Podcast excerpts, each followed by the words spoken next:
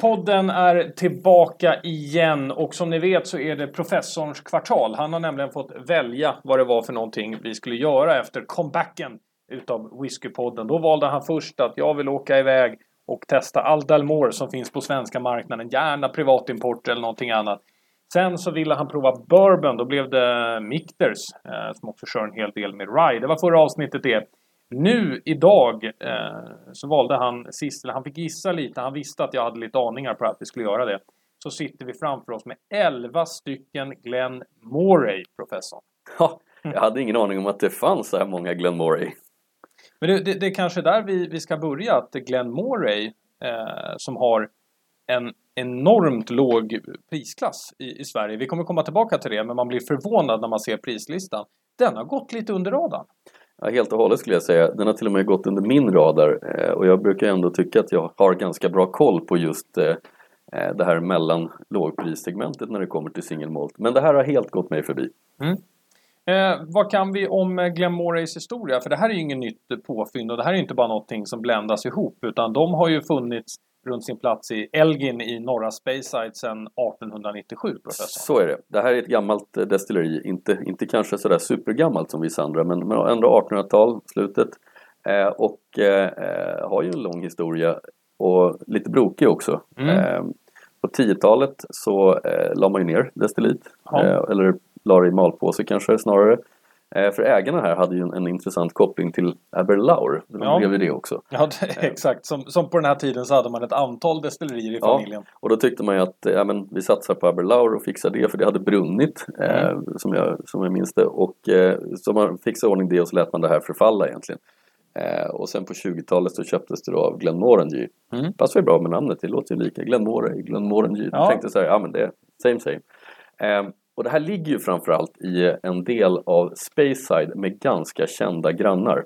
Eh, och det är ju till exempel, för att nämna några, så har vi ju Glenfiddich, Belvini, Glenlivet, Macallan, Glenfarclas. Det här är mm. ganska kända etiketter. Medan Glenmoray lever lite mer i skymundan som vi kan konstatera. Det här är inte på allas tunga. Nej.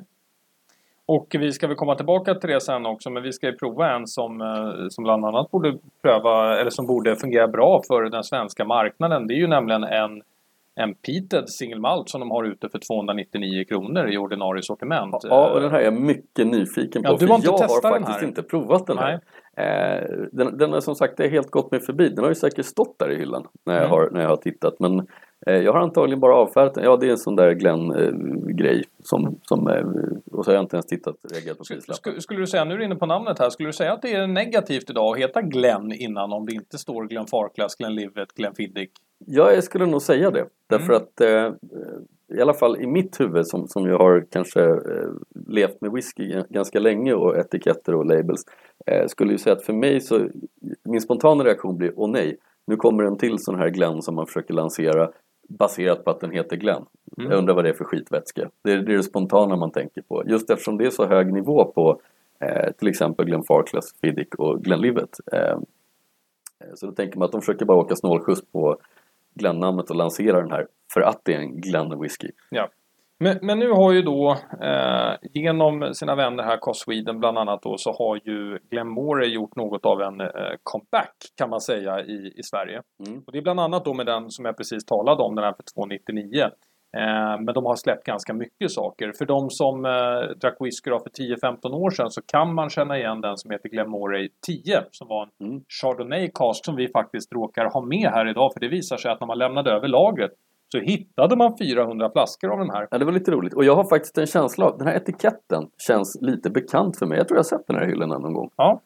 Så det låter inte alls orimligt. Och, och det är lite roliga då när man hittar de här 400 är att det finns bara 75 kvar i hela Europa. För att vid ett tillfälle så hamnade Glenmore då i problemet för 10-15 år sedan som många andra som man idag kanske inte har på näthinnan. De hamnade ju i vätskeproblem professorn. Mm. Eh, men sen dess har man utökat inte bara en gång som var då 2012 till om det var 3,3 miljoner liter nu håller man på att utöka igen och kommer landa någonstans på 5,5 så det, Glenmore är ju på väg framåt. Så är det. Jag har ju en känsla av att eh, den här eh, i, i historisk närtid har varit mest eh, gått till blended-industrin. Mm. Precis som så många andra i grunden bra maltdestillerier så har man eh, sålt det mesta och då, då har man ju kanske inte fokuserat i första hand på att samla på sig gamla fat eller eh, se till att man har en stadig tillgång på, på age statement. Eh, och då tar det ju slut. Mm. Eh, det finns risk för det, men nu verkar det vara på väg tillbaka. Ja.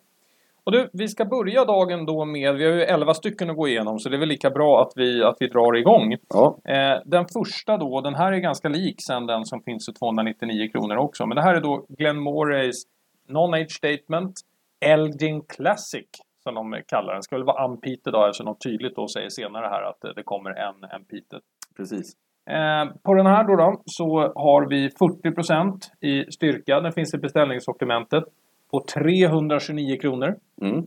Kommentar innan du doftar på det. Ja, det här eh, låter ju för mig, så det är alltid en liten varningsflagga med en single malt för 329. Kan, kan vara absolut jättebra men, men eh, oftast inte. Mm. Artikelnumret är 84384. Mm. Varsågod och börja dofta. Ja, ska jag göra. Mm. Ja, den här är ganska, den ganska trevlig. Lättsam i doften, som förväntat av en, en eh, stiltypisk Speyside om det nu skulle finnas något sånt. Mm. Den är ju den är lite söt, lite sötma. Lite aningens lite spritig i doften kanske. En lätt fruktighet, ganska sympatisk. Inte helt olik vissa andra lätta saker vi har druckit från lite längre söderut faktiskt. Eh, tänker närmast på faktiskt Inchmurin. Inchmurin, ja intressant. Det betyder då att den skulle kunna blomma ut i fruktighet då, om man har lite tur. Mm. Jag ser, ganska angenäm doft, ganska ga- ganska standardiserad. Den får ju fram de här um, hötonerna, grästonerna som finns ifrån det här området. Som jag i och för sig håller med dig om att de finns oftast i och för sig lite, lite längre söderut. Mm. Ja, återigen om vi nu ska dra in det här med geografiska smaker. Men, men eh, smaken är ju... Jag skulle säga att det här är nästan till en perfekt whisky för någon som gillar whisky som inte sticker iväg åt något håll alls. Mm. Alltså verkligen ingenstans. Eh, Den är bas Speyside 1A. Mm.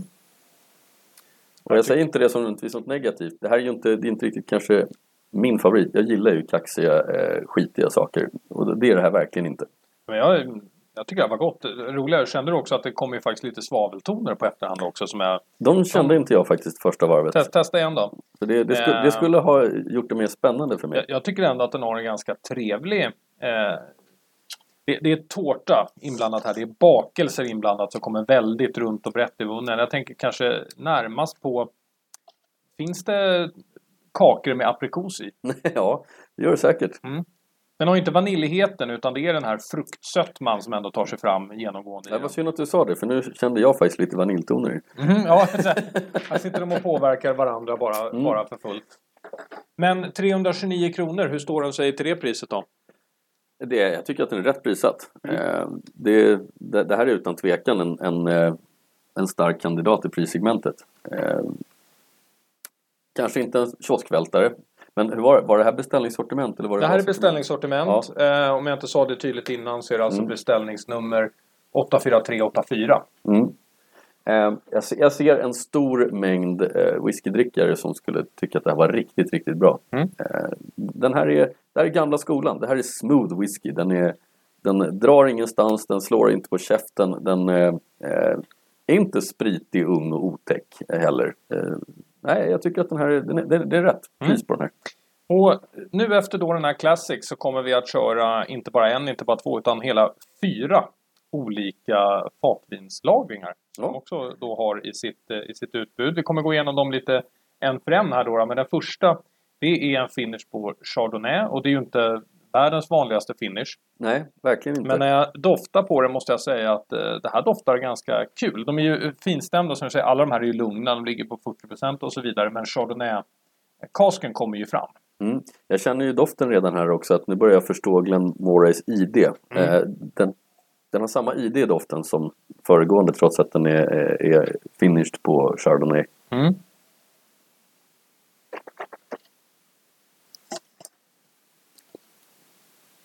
Jaha! Oj! Sluta Vilken- hålla i glas så jag också får Ja, pröva men- här nu. Ja. Ja, nu avslöjar vi det att vi sitter faktiskt med och delar glas här. Vi är inte rädda för coronaviruset. Mm. Ehm, det här var lite märkligt. Ehm, jag hade ju förväntat mig att man skulle ha smackat på kanske lite eh, tydligare vinös ton på den här. Alltså, så att, så att finishen, den här verkar vara en väldigt kort finish. Ja, det kan Ja. vara en kort finish. Jag måste säga att jag tyckte att den, den doftade roligt för den fick fram eh, citrustoner och lite smöret som kan komma ifrån Ja. chardonnayen ibland. Men Mm. jag tycker nog inte att eftersmaken var riktigt lika rolig alltså. Nej. Den här, det, känns som att den inte riktigt är, är färdig med sin chardonnay. inte färdiggift. Nej, den är, den är inte färdig. Do, Lite- Doften var däremot jättehäftig. Ja, det var den. Eh, lite kul. Vi, vi går vidare för att vi har en hel kavalkad med såna här vin. Och eh, alla, alla de här vinfinisherna då, ligger alltså på 329 kronor. Så det är Allihopa? Samma. Allihopa. Så det är samma som Classic här alltså. Jaha. Ja, Så eh, choose your favorite. ja säger. verkligen. Och vi har, vi, bara för att vara säkra nu, vi, det är ingen age statement på de här överhuvudtaget. Inte vad jag känner till, utan det här ska ju vara någon statement på alla de här. Mm. Och ja, mycket riktigt, det är det också. Vad tror vi då? Eh, åldern på de här, de kan, inte, de kan inte vara helt unga kan de inte vara. Eh, de är uppenbart kanske inte 12 år men, men, eh, men det känns ju inte men- som men tre år heller. Nej, inte som tre år, men säkerligen komponenter mellan fem till åtta skulle ju inte vara helt otänkbart. Nej, det skulle inte vara otänkbart. Jag hade kanske förväntat mig mer eh, ondska i dem om de skulle vara neråt fem. Men, Ja, eh, men, men jag tycker ändå att området runt omkring här i Elgen, då tänker jag då närmast då på Glenfiddich som faktiskt eh, ibland också släpper saker på Ja, återigen, det är ju en mix. Allting är ju en mix. Om du Mm. hittar en bra bassprit som inte, som inte uppenbart smakar sprit som är fem så kan man ju blanda den med fantastiska nioåringar. Mm. Eh, Men jag menar, Glenfiddich har ju en del utgåvor som de har gjort, non-age statement med, med en specifik ton eller smak som ligger på 7-8 år där man inte kan finna en ton av råsprit. Ja. Eh, Så att, Det har att göra i hög grad med hur, hur ren eh, råspriten är. Mm. Kan man nästan dricka råspriten då kan man räkna med att det kanske blir någonting som inte blir så jättekaraktärsfullt sen men, heller, men också helt kliniskt rent Mm. från alla dåligheter. nej, men, men 5 till 10 det, är- det är en väldigt stor range men liksom Mm. någonstans där är nog mixen. Mm. Däremot är nästa nu då som är Sherry Cask Finish. Mm. Och eh, Sherry Casken den finns också på beställningssortimentet. Vi kommer till en här sen som inte ännu finns på, på lager. Men här kan du faktiskt få fram eh, lite råspritstoner. Det kommer ju tydlig eh, sherry naturligtvis också. Men det kommer absolut lite, lite råsprit också i dem. Ja, det är uppenbart om, om det nu skulle vara samma åldersrange på de här ungefär. Sherryn driver fram en, en ungdomlighet i, i, eh, i spriten som är lite annorlunda. Också väldigt försiktig sherrydoft i den här. Absolut, det är inte en lång sherry finish. Men som du också säger, man visade ju redan med sin första utgåva att man vill kanske inte sticka ut så mycket utan eh, man, man skulle faktiskt rent av kunna påstå professorn att det kanske så är en finish är. För att Jag- jag någonting, vi ibland, ja, men någonting vi ibland har förmågan att göra som jag ogillar ganska mycket. Och det vet ju de som då har lyssnat att jag har ju färdats då från det megarökiga och sen skulle det vara mycket sherry och grejer och nu har jag ju gärna bara klassiska bourbonlagringar och det är därför att man får ju fram identiteten Mm. eh, i, i produkten. Här får jag ändå säga att eh, även om jag hade nog kunnat tänka mig lite, lite längre finish så är det här i alla fall ärligt mot grundvätskan. Mm. Man har inte dödat den med bara sherry så att allt man smakar är sherry. Eh, intressant eh, observation är som sagt att Chardonnay kändes mer mogen. Trots att jag upplevde att den var inte riktigt klar med finishen. Den här känns det som, som whiskyn är kanske delvis lite yngsta laget. Men, men eh, är det är en ganska trevlig... Alltså eftersmaken är ju jättetrevlig. Ja, den är det den är väldigt trevlig. Inte så lång men trevlig. Mm. Vi går vidare tycker jag. Eh, Ja. Nästa och nu, nu är det ju faktiskt eh, en av mina favoritfinishar. Ja, vi eh, är bägge överlag. två svaga för, för port. Eh, och där vet vi ju att eh, det är ju, för många kan ju det vara en total dealbreaker. Eh, porten fungerar Mm. inte alls. Men det ska bli intressant att se här då när de enbart jobbar med en touch utav, utav finish. Ja, den här doftar betydligt mer eh, av sitt vin så att säga. Mm. Den är mycket mer karaktäristisk doften för, för portcask. Du har eh, typisk eh, vaxduk och en, en, en liten nöt, nötig sötma. Inte så mycket russin som i, i viss sherry. Jag sitter ju nästan, jag sitter redan och sneglar på nästa som har cabernet. Det tycker jag är kul också. Oj, vilken balanserad eh, port. Det är väldigt sällan det är så. Visst, kommer ju fram, man känner ju vaxduken när man letar Mm. lite efter, men annars är det ju, det är tunga, röda, fina, fina bär. Vinösa vindruvstoner nästan. Helt klart. vanilj. Eh, ä- här också, i smaken, här känner vi också Mm. att här, det här är en riktig finish. Den är tillräckligt lång för att eh, ta en tydlig karaktär av eh, finishfatet. Eh, men har absolut inte tagit över smaken. Men här balanserar idet för Glenmoray och finishen mera Mm. 50-50. Jag har en tydlig ordning än så länge om du vill höra den då. Mm. Jag tycker fortfarande att av de fyra vi har testat hittills ty tycker jag att Original är absolut bäst. Eh, jag tycker den för fram en väldigt trevlig. Jag tycker det är kul att man vågar ha en sån produkt idag när alla bara ska sticka ut och faktiskt visa att det här är ju traditionell hedlig whisky. Det är det. Och det är jäkligt gott. Mm. Eh, Min absoluta tvåa är ju port. Sen är det eh, Chardonnay som jag dock inte tyckte hade någon kul eftersmak. Eh, Sist just nu är det sherryn. Men nu ska det då bli spännande för att nu kommer vi till en produkt som inte ännu finns i lager men som kommer komma då. Och det är ju Cabernet-kasken då som är Mm. den sista i den här eh, Ja. vinserien. Fortfarande lite udda typ av finish faktiskt. Ja, men Även det, det, är det. som har. Och vi har smakat några sådana här som är dåliga men det finns också sådana där, där det gifter sig totalt och kan bli jättetrevligt. Men får man komma ihåg också, det finns ju ganska mycket Cabernet att välja mellan också. Det gör ju det. Eh, det, är, det är ett ganska vitt begrepp kan man säga. Oj, det var... Okej, som du lite säger, man får nog säga samtidigt här då att det är lite stegrande också. Mixen som man lägger i dem. Du sa att porten var lite mer. Mm. Och så kan jag säga att om du missar eh, caberneten i den här, då, eh, då borde du sluta dricka cabernetvin. Men vet du, det är märkligt. Jag känner ju inte att det är Cabernet som ger den här tonen. För här... Ja, det, kommer, ja, det, det, det landar lite grann i det nu. Den här måste jag faktiskt smaka på på en gång. För att jag, Mm, det, finns, det finns en, en signatur för Cabernet lagrat och finish som, som jag vill känna i den här.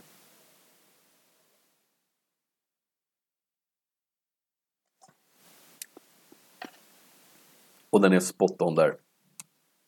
Det här är, den har Cabernet i det. Eh, direkt i, eh, i smaken.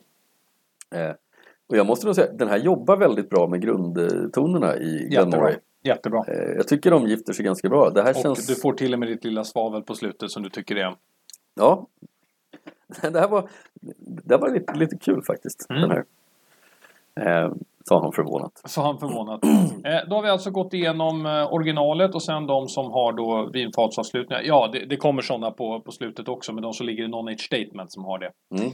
Ehm, eh, bara kommentera igen då att de här eh, vinösare varianterna då, de ligger på, på 329 och det gör originalet också. Så det är en ganska spännande serie om man skulle vilja prova vinfatslagringar. För här kan man få lära sig en del. Det är det. Eh, så egentligen ska man ha alla fem. Eh, för att jag känner ju att den första där är ju grund-idet och sen Mm. så är det olika finish. Kan man, kan man se vad gör en finish med en viss vätska? Ganska Mm. kul.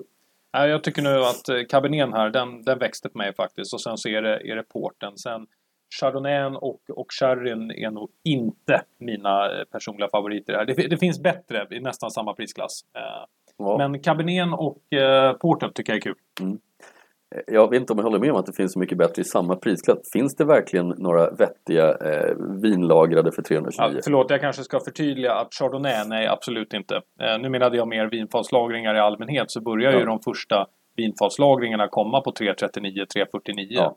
Och där finns det lite klassiker. Eh, och jag tycker helt enkelt de, de gifter sig inte helt hundraprocentigt tycker jag. Men däremot eh, Porten och Caberneten så kan vi till att börja med säga att det är helt unikt att det skulle finnas nere vid det här priset. Jag det är det ena. Ja, Eh, Då får man nästan hoppa till Blended och Famous Grouse för att hitta... liksom, exakt. Något kan man ju hitta någon, någon sån här Ruby Cask eller vad de kallar det för Ja, till exempel. Ja, tack för någon Rubicask eller vad de kallar det. Ja.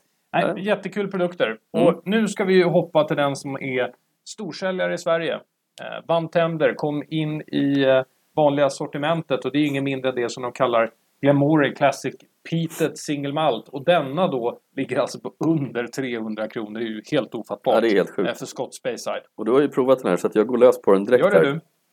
Ja, ja, det här är skog. Eh, och när jag säger skog så menar jag skogrökigheten. Det här är Mm. den här torven som inte har någon maritim känsla överhuvudtaget. Det är mossa, det är, det, det är enbarr, eh, enbuskar i den här. Eh, rö, ja, man tänker på att man röker, eh, man röker fisk eller röker kött här Mm. eh, snarare än något annat. Ingen, inga salta havstoner överhuvudtaget.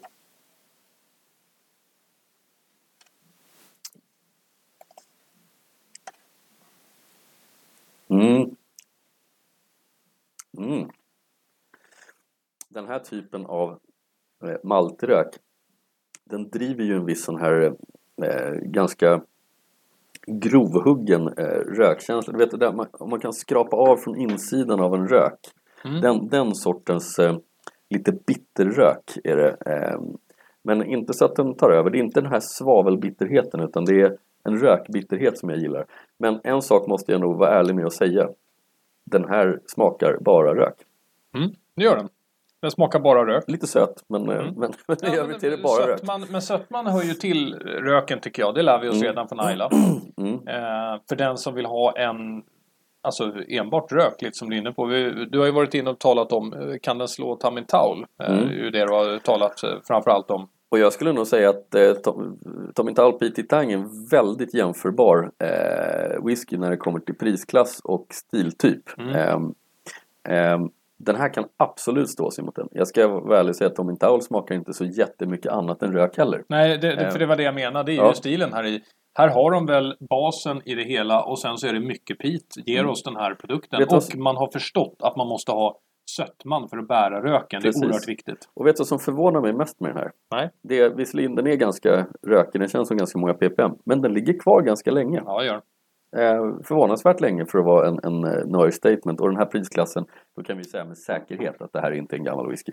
Mm. Eh, röken maskerar det faktumet väldigt väl och matchar stiltypen. Nej, men den här är den här eh, tror jag kan vara en av eh, topplistesäljarna Mm. i Sverige. Det är ett absolut citat. Det är ett absolut citat. Det här, är, det här kan vara en, en topplista. Jag tror att felet med den här är att ingen, ingen eh, har snappat upp den. Ja, Jag, sagt, jag, jag lämnar inte allt för mycket kommentar här i och med att eh, jag har prövat den inte bara en gång utan två gånger innan. Det var Mm. kul eftersom du inte visste vad det här var bara för att se vad, vad din reflektion är på den. Mm. Sen, sen får man ju komma ihåg att eh, det kanske inte är för alltid som vi har billiga priser i Sverige på olika produkter. Så att eh, det, det är väldigt kul att vi kan få in sånt här eh, till Sverige som också är så otroligt röktungt. Ja, absolut. Och det, ja, vi vet ju att det faller i smaken eh, för många. Ehm, då hoppar vi till den då där man lyckades mirakulöst hitta 400 flaskor. Det finns endast 75 kvar i Europa. Ja. Eh, den här finns fortfarande på beställningssortimentet. Nu hoppar vi för första gången upp ordentligt i prisklass här. Eller Mm. ordentligt, alltså med det menar jag att nu slåss vi ju det segmentet där all whisky säljs då i princip. Ja. vi hoppar då från eh, 299 på Peteren till 329 på Original Vinösa. Nu hoppar vi upp till 429 för första Age Statement då. Ja. Eh, och det är eh, en 10-åring. Och den här har ju också då en finish på Chardonnay. ja, trevligt. Mm. Då doftar vi på den ska vi se. Ja, men här märks det att det inte bara är en finish. Eh, det här är lite mer än en finish. Här är det eh, en härlig tjock sötma som, som jobbar med vinet. Prova dofta på den här ska du Jag se. tycker det är kul att säga, här märker man att det inte bara är en finish. Mm. Vi- måste nog ha ett eget program där vi talar om hur lång ska finishen vara i förhållande till åldern på vätskan. Det är, Men De säger ju faktiskt också här, jag vet inte vad det innebär Mm. exakt, men här säger de ju cask matured. Eh, och det, det antyder ju att de själva tycker att det är något lite Ja. mer, men, men det här är betydligt Men mer det, eh, oj, oj, påverkan. oj, gud vad mycket roligare det blev nu. Alltså, man får ju nu komma ihåg att när vi sitter och säger då på 299, 329 att liksom det, här är, det här är ju prisvärt. Men nu börjar vi ju dessutom tala whisky. Ja, det nu, ju- nu börjar vi tala bredd i doften. Här. Den Det är här bara en tioåring. Det är bara en Eh, tioåring och den är bara 40% antar jag även den här, eller? Ja, den är är bara den 40 mer? procent. Nej, den är 40. Ja. Ja. Den har en enorm bredd i doften och den är ju ärlig mot originalet tycker jag också. eh, Ja. I viss mån. Det känns, Chardonnayen kom fram, vi får vi se om den är mer gift den här då. ja, det känns någonstans som att det här är klassiken i sällskapet. Det är Mm. synd att den då inte, att den inte finns mer än några flaskor kvar. Mm. Ehm, för det är ett väldigt... Är, Oj. Ja. vad, vad får du i smaken på den här? Nej, jag, nej, jag blev rätt impad faktiskt. Det var därför jag blev eh, så tyst helt plötsligt. För jag får lite toner från, vad, vad heter ett utav, du har ju ett, eh, ett destilleri som du är så otroligt förtjust i. Eh, som gör unpeated, gör lite specialutgåvor som släppte den här Waffles and Ice Cream. Vad, vad heter de? I, ehm, Waffles and Ice Cream. Nu ska vi se. Jag kommer faktiskt inte ihåg vilket det var, men är det Klein Leash kanske? Ja, precis. Ehm, jag håller med dig. Jag förstår vad du menar. För det är den här efterrättstonen Ja, det, är otroliga Leash. efterrättstoner. Eh, och om jag var inne på, för jag var ju inne redan här och talade på om det var Porten eller Cabernet, att jag talade om eh, aprikos i kaka och grejer. Och nu, nu, Mm. nu talar vi ju fullständig julbakelse som kommer fram här på, på engelska. Vaniljkräm har du här också. Och, och så Chardonnay, ja, den, den här är, är jättetjusig för att vara en tioårig Chardonnay. Fr, från en label som de flesta inte har hört talas om. Nej. Det, det här Men som, är, men som ändå har funnits tillgänglig. Ja. Eh, Det är det som är så roligt i allt det här. Mm. Att den här har funnits tillgänglig och nu finns det ju bara ett, ett fåtal kvar. Jag, jag tycker det här är en jätterolig produkt. Jag tycker också att den här beskriver lite det jag talade om. Eh, att jag, jag vill inte heller ha jag vill inte att finishen eller slutlagringen eller vad det än är bara helt äter upp hela, hela produkten. Här känner man ju ändå att det är eh, Glamorays original, alltså originaltonerna. Man märker ju att det är det på steroider, bättre mature och gifter sig bra med chardonnay. Jag, jag var, den här var jag impad av. Den här kan jag, jag, jag tror nästan jag ska köpa en flaska av de här som är kvar. Om jag hinner, för nu har väl ni köpt alla redan som lyssnar. Eh, det var riktigt nice. Eh, Mm. Vi går vidare i uppställningen. Ska vi ens... Eh, vi säger inte artikeln de får leta upp det så vi hinner köpa va? Precis. Eh, vi sa att det här var en Glenfiddich sa vi. Och det var, exakt. på chardonnay, den kan, den kan ni leta efter. ja, Ehm, ja, next up här då. Det är en tioåring till. Fired Oak. Vad innebär det då, professor?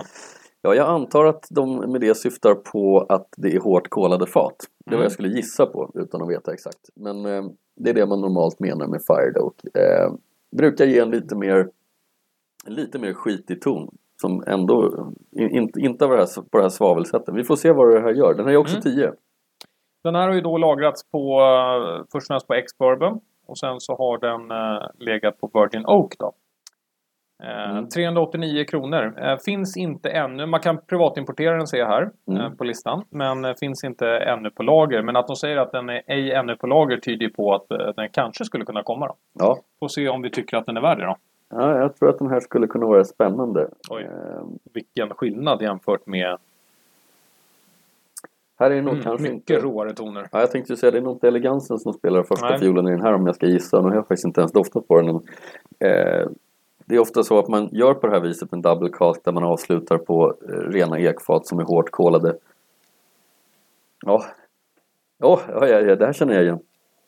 Trots att jag aldrig druckit den. Det jag närmast skulle jämföra den här med är ju en, en storsäljare från Glen Scotia som jag inte är så förtjust i som heter Double Oak eller Double Cask eller vad den heter. Som säljer som smör i Sverige. Folk verkar älska den här typen av toner. Men jag är inte personligen så förtjust eh, i det här. Nej. Jag tycker mer det spritter i munnen. Jag får inte riktigt någon styr på den. Jag hade valt den andra tioåringen direkt. Men återigen, jag vet att eh, när jag tittar på liknande sådana här produkter eh, att de går ganska bra i Sverige. Mm. Jag tycker att den här, den är den är nästan där. Alltså, den har, du får ju den här känslan, den är, den är lite eh, mer spännande än den föregående.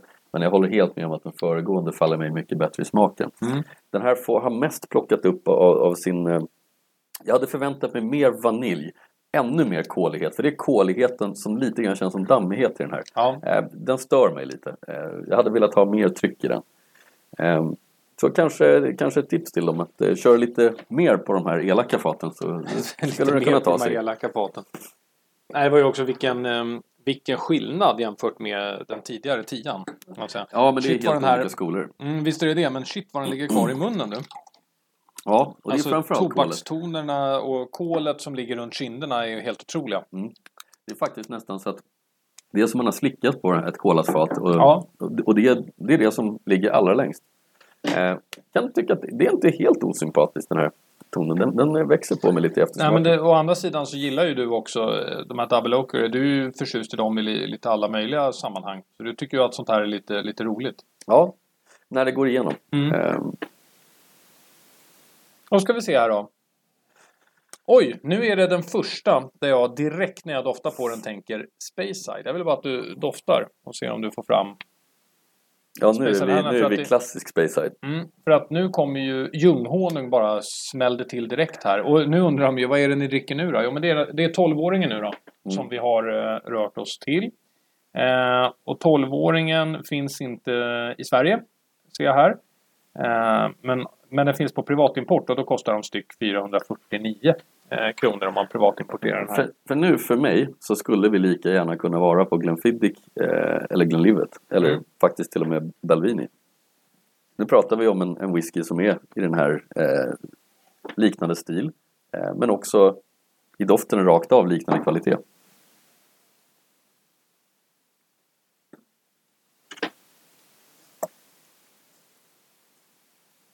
Nu är klart, det kanske man är lite påverkad av att vi har börjat med massa No Age Statement i väldigt låg prisklass, ganska unga, några på vinfat. Sen har vi gått upp, byggt upp till den här. Så det är klart att i sällskapet så kommer ju en 12 framstå som bra om det är bra vätska. Men den här gör verkligen det för mig. Den här eh, eh, Den här känns dyr. Den känns dyr. Ja men den gör det. Den känns lite lyxig, lite trevlig. En sån här whisky man gärna skulle dricka när eh, det är någonstans mitt emellan vinter och sommar. Ungefär som hela vintern är just nu. Eh, Eller du menar året om temperaturen i Skottland? ja precis. Den. En, en väldigt trevlig dram. Ehm, inte någon eh, jättesmakbomb men eh, väldigt, väldigt balanserad och med ganska tydlig karaktär. Mm. Eh, den har ju fruktiga, lätta stilen. Som sagt, för mig kunde det ha varit en Glenfiddich eller Glenlivet eller Belvin. Det hade varit gissningar från min sida om jag hade kört den blint. Okej. Jag hade nog aldrig gissat på Glenn Fiddick tror jag. Eh, jag hade nog nästan varit närmare Macallan i den här. Mm. För att den här ljunghonungen som kommer direkt, den återfinns ju inte riktigt i Glenn Fiddicken tycker jag. Men Macallan finns med, och, alltså Glenn Farklas, eh, de där man har jobbat med mindre sherry, Mm. hade det här kunnat vara rakt av. Ja. Ja, det är intressant. Det kanske, Mm. det kanske är det släktskapet är. Den, den sherrylösa kusinen från eh, Precis. Elgin. Ja, men... eh, Men eh, god, alltså det här är ju den typen utav, utav stil som många gillar. Jag skulle gissa också att den här skulle gå väldigt bra i Asien. det tror jag eh, absolut. Med den här tonen. Ja. Nä, nästan så att den kanske skulle ha lite för mycket karaktär för det om jag ska vara elak mot asiaternas smak. Men... Eh, Stackarna. mm, Nu har han hoppat på er igen. mm. Ja, next up här då. Då har vi 15-åringen. Eh, och eh, den här finns ju. Nu prövar vi någonting som finns tillgängligt idag att köpa på beställningssortimentet. 489 kronor, artikelnummer 10431 ska vi pröva nu. Och det står ju inget speciellt på den heller utan här jobbar man med det som heter Elgin Heritage. Så att eh, det här är väl liksom bara Age Statement-serien helt enkelt med lite, lite olika mixer. Ja, vi kliver ju upp i doften i någonting som är lite mer som eh, Chardonnay-lagringarna faktiskt. Mm. Eh, eh, kanske är någon, eh, någon vinfinish på den också eventuellt. Men, men vi vrider ju upp volymen ett steg på den här. Det är bara tre år skillnad. Men eh, redan i doften märker man att det här är eh, en potent vätska med mörkare frukter än, än i de tidigare som vi har provat. Eh, helt enkelt lite mognare. Vad, hur, hur var den i smaken? Mm, nej, men det, det är precis min reaktion också. Eh, eh, till att börja med då, som ni förstod på 12 så här, det är inte min favoritton som vi satt där och prövade. Eh, men 15-åringen är väldigt genuin mot 12 det vill säga att eh, man får nästan den här känslan från Highland Park. För att i Highland Park så fanns det ju en röd tråd mellan 12, 15, 18. Mm. Det var hela tiden som att uppgradera. Och jag tycker likadant här. Den här har vuxit till sig ännu mer i smaken och den gör det på fortfarande 40% vill jag framhålla. Ja, det gör. Eh, så får den fram en, en trevlig ton. För mig i just den här 15 så finns det dock en märklig bismak av eh, tvättmedel. Mhm. Vad- Eh, och då menar jag parfymen ur tvättmedlet, inte, Ah, inte den här liksom tvåliga smaken utan, utan ungefär som att det vore någon artificiell eh, eh, doftpulver i den av något slag. Jättesvårt att beskriva. Ja, det- det lät som en off-ton. Den måste jag säga, den fick jag inte alls fram. Jag hade föredragit 15 framför, framför 12. Även om 12 också var, var kvalitativ. Eh, Ja. Det är ju inte, det är inte dyra saker vi talar om här alltså. 15 och 489 kronor. Nej, det är det verkligen inte och det är ju Nu vet vi att det finns, det finns ett par undantag på bolaget ute när det gäller 15-åringar som inte är representativa för vad de- 15-åringar ska en kosta. liten serie på 399. ja. Mm. Ja. Och det kan man ju inte förvänta sig någonsin att få en 15-åring för. Nej. Eh, så att med det sagt så det här priset är ju eh, Återigen, det här är, det här är prisvärda grejer. 18-åringen då? Den Mm. sista vi testar här i serien. Ja, då har vi vridit upp volymen ett steg till såklart. Eller ja, det är inte alltid så klart eh, Mm. med en 18 Men, men jag tycker det är kul. Jag, jag tycker ju ändå att H-State med serie ska gå i linje. Jag vill, vill bara då igen då. Nu sitter vi och kollar på en karta här, så låter det som att vi slår lite extra på dem. Men man blir ju förvirrad exempelvis med någon som McCallan som har två 10-åringar, två 12-åringar. Hur ska man hålla allt det här i huvudet? Eh, jag vill att det ska vara ganska genuint. Mm. Och en sak jag märkte direkt med den här, det var att jag, nu har vi suttit med 40% Mm. där här ett tag och så, och så tar man en, en, en, en munfull av en sån här. Ehm, och det borde man inte ha gjort för den här var ju faktiskt eh, ordentligt eh, rätt styrka Ja, det- på också. Det roliga nu när man har höjt upp den ett, ett litet snäpp här och då vet vi att det ligger en annan liten granne här i området och det är Aberfeldy. Mm. Eh, för att när den kom upp nu lite i procentsats här så kom faktiskt eh, gräsiga toner, alltså Mm. den typen av jordiga toner kom fram på ett helt annat sätt. Här har vi kommit fram till en whisky som eh, för mig har eh, alla ingredienser för att vara någonting som faktiskt står i mitt skåp hemma. Mm. Eh, den, här, den här är en fullvuxen whisky. Det är det. Och den har inte några av de off-notesen jag eventuellt har känt i de tidigare. Eh, och vad sa du att den låg på den här? Här då hoppar vi upp till HP-priser tror jag, 799. Mm. Eh, och det här är då dessvärre också privatimport man får göra då för 799. Även om det är inte så dyrt för, eh, för just det. Eh, nu fick vi lite beskrivning här också och det är väl det som sätter lite pepprighet och grejer. Det är en First Fill American Cask. Ja, man märker det. Mm. det är, den jobbar, för att vara First Fill American Cast så måste jag säga, jag hade nästan gissat på att det hade funnits en, en French Oak eh, det i den, det, vara det är väldigt, Oak, ja. väldigt pepprigt. En del naturligtvis Jag för vill, att vill den är smaka lite 47%. mer på den här. Jag tyckte den var väldigt... Alltså nu i eftersmaken ligger den kvar och... Mm. Den var till och med god efter att man hade tagit vatten i munnen så balanseras den ner Ja, lite. den är inte, den är inte spritsig utan det här är en, en, eh, en eh, Nej, den är, den, är, den är tung fast den är lätt. Det är väldigt svårt att beskriva. Den har en tyngd och en ålder men samtidigt är den ju en lättsam stil. Och det är den enda av de här 3, 12, 15, 18 i mina ögon som återfår det som tioåringen hade eh, med sina väldigt, väldigt trevliga bakelser och kompotter och allt sånt här. Mm. Ja, nu när man går tillbaka och doftar på 10 så känns den lite mer oborstad än 18 men, eh, men den är precis i Jo, samma men, linje. men den har ju dött av ganska mycket också. Mm. Så.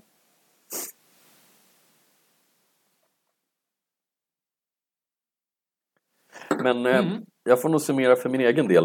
Eh, det, finns, det finns en potential till eh, ett, ett, ett, några kioskvältare baserat på pris här. Mm. Vi har ju framförallt den första här. Eh, eh, The original. The Original. Eller förlåt, Elgin Eller Classic. Classic, Elgin Classic.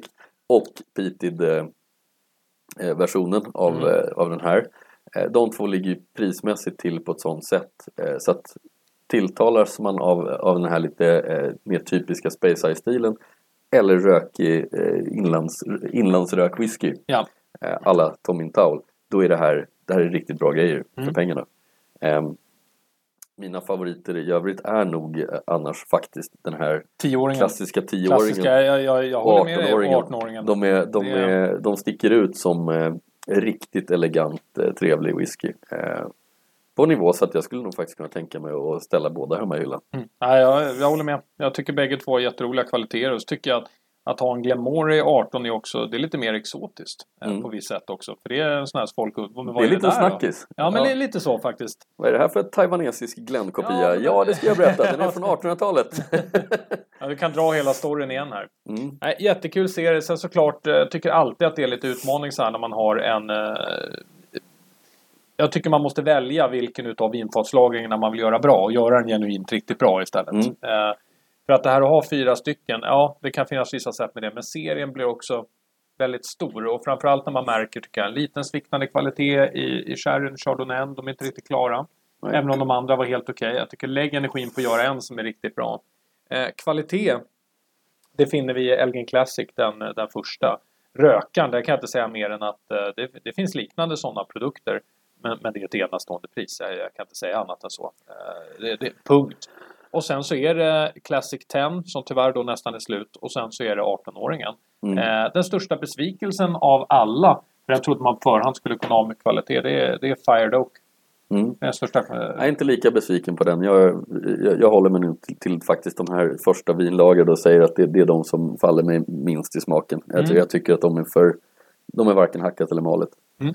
Eh, ja, men vad ska man säga? Vilken, vilken lektion i Glen Moray vi Verkligen, har, vi vilken lektion i om. Glen Moray. Och eh, vi ska väl eh, framöver, vi, vi ska fortsätta att göra sådana här typer av program och gå igenom så länge ni lyssnare tycker att det är roligt såklart.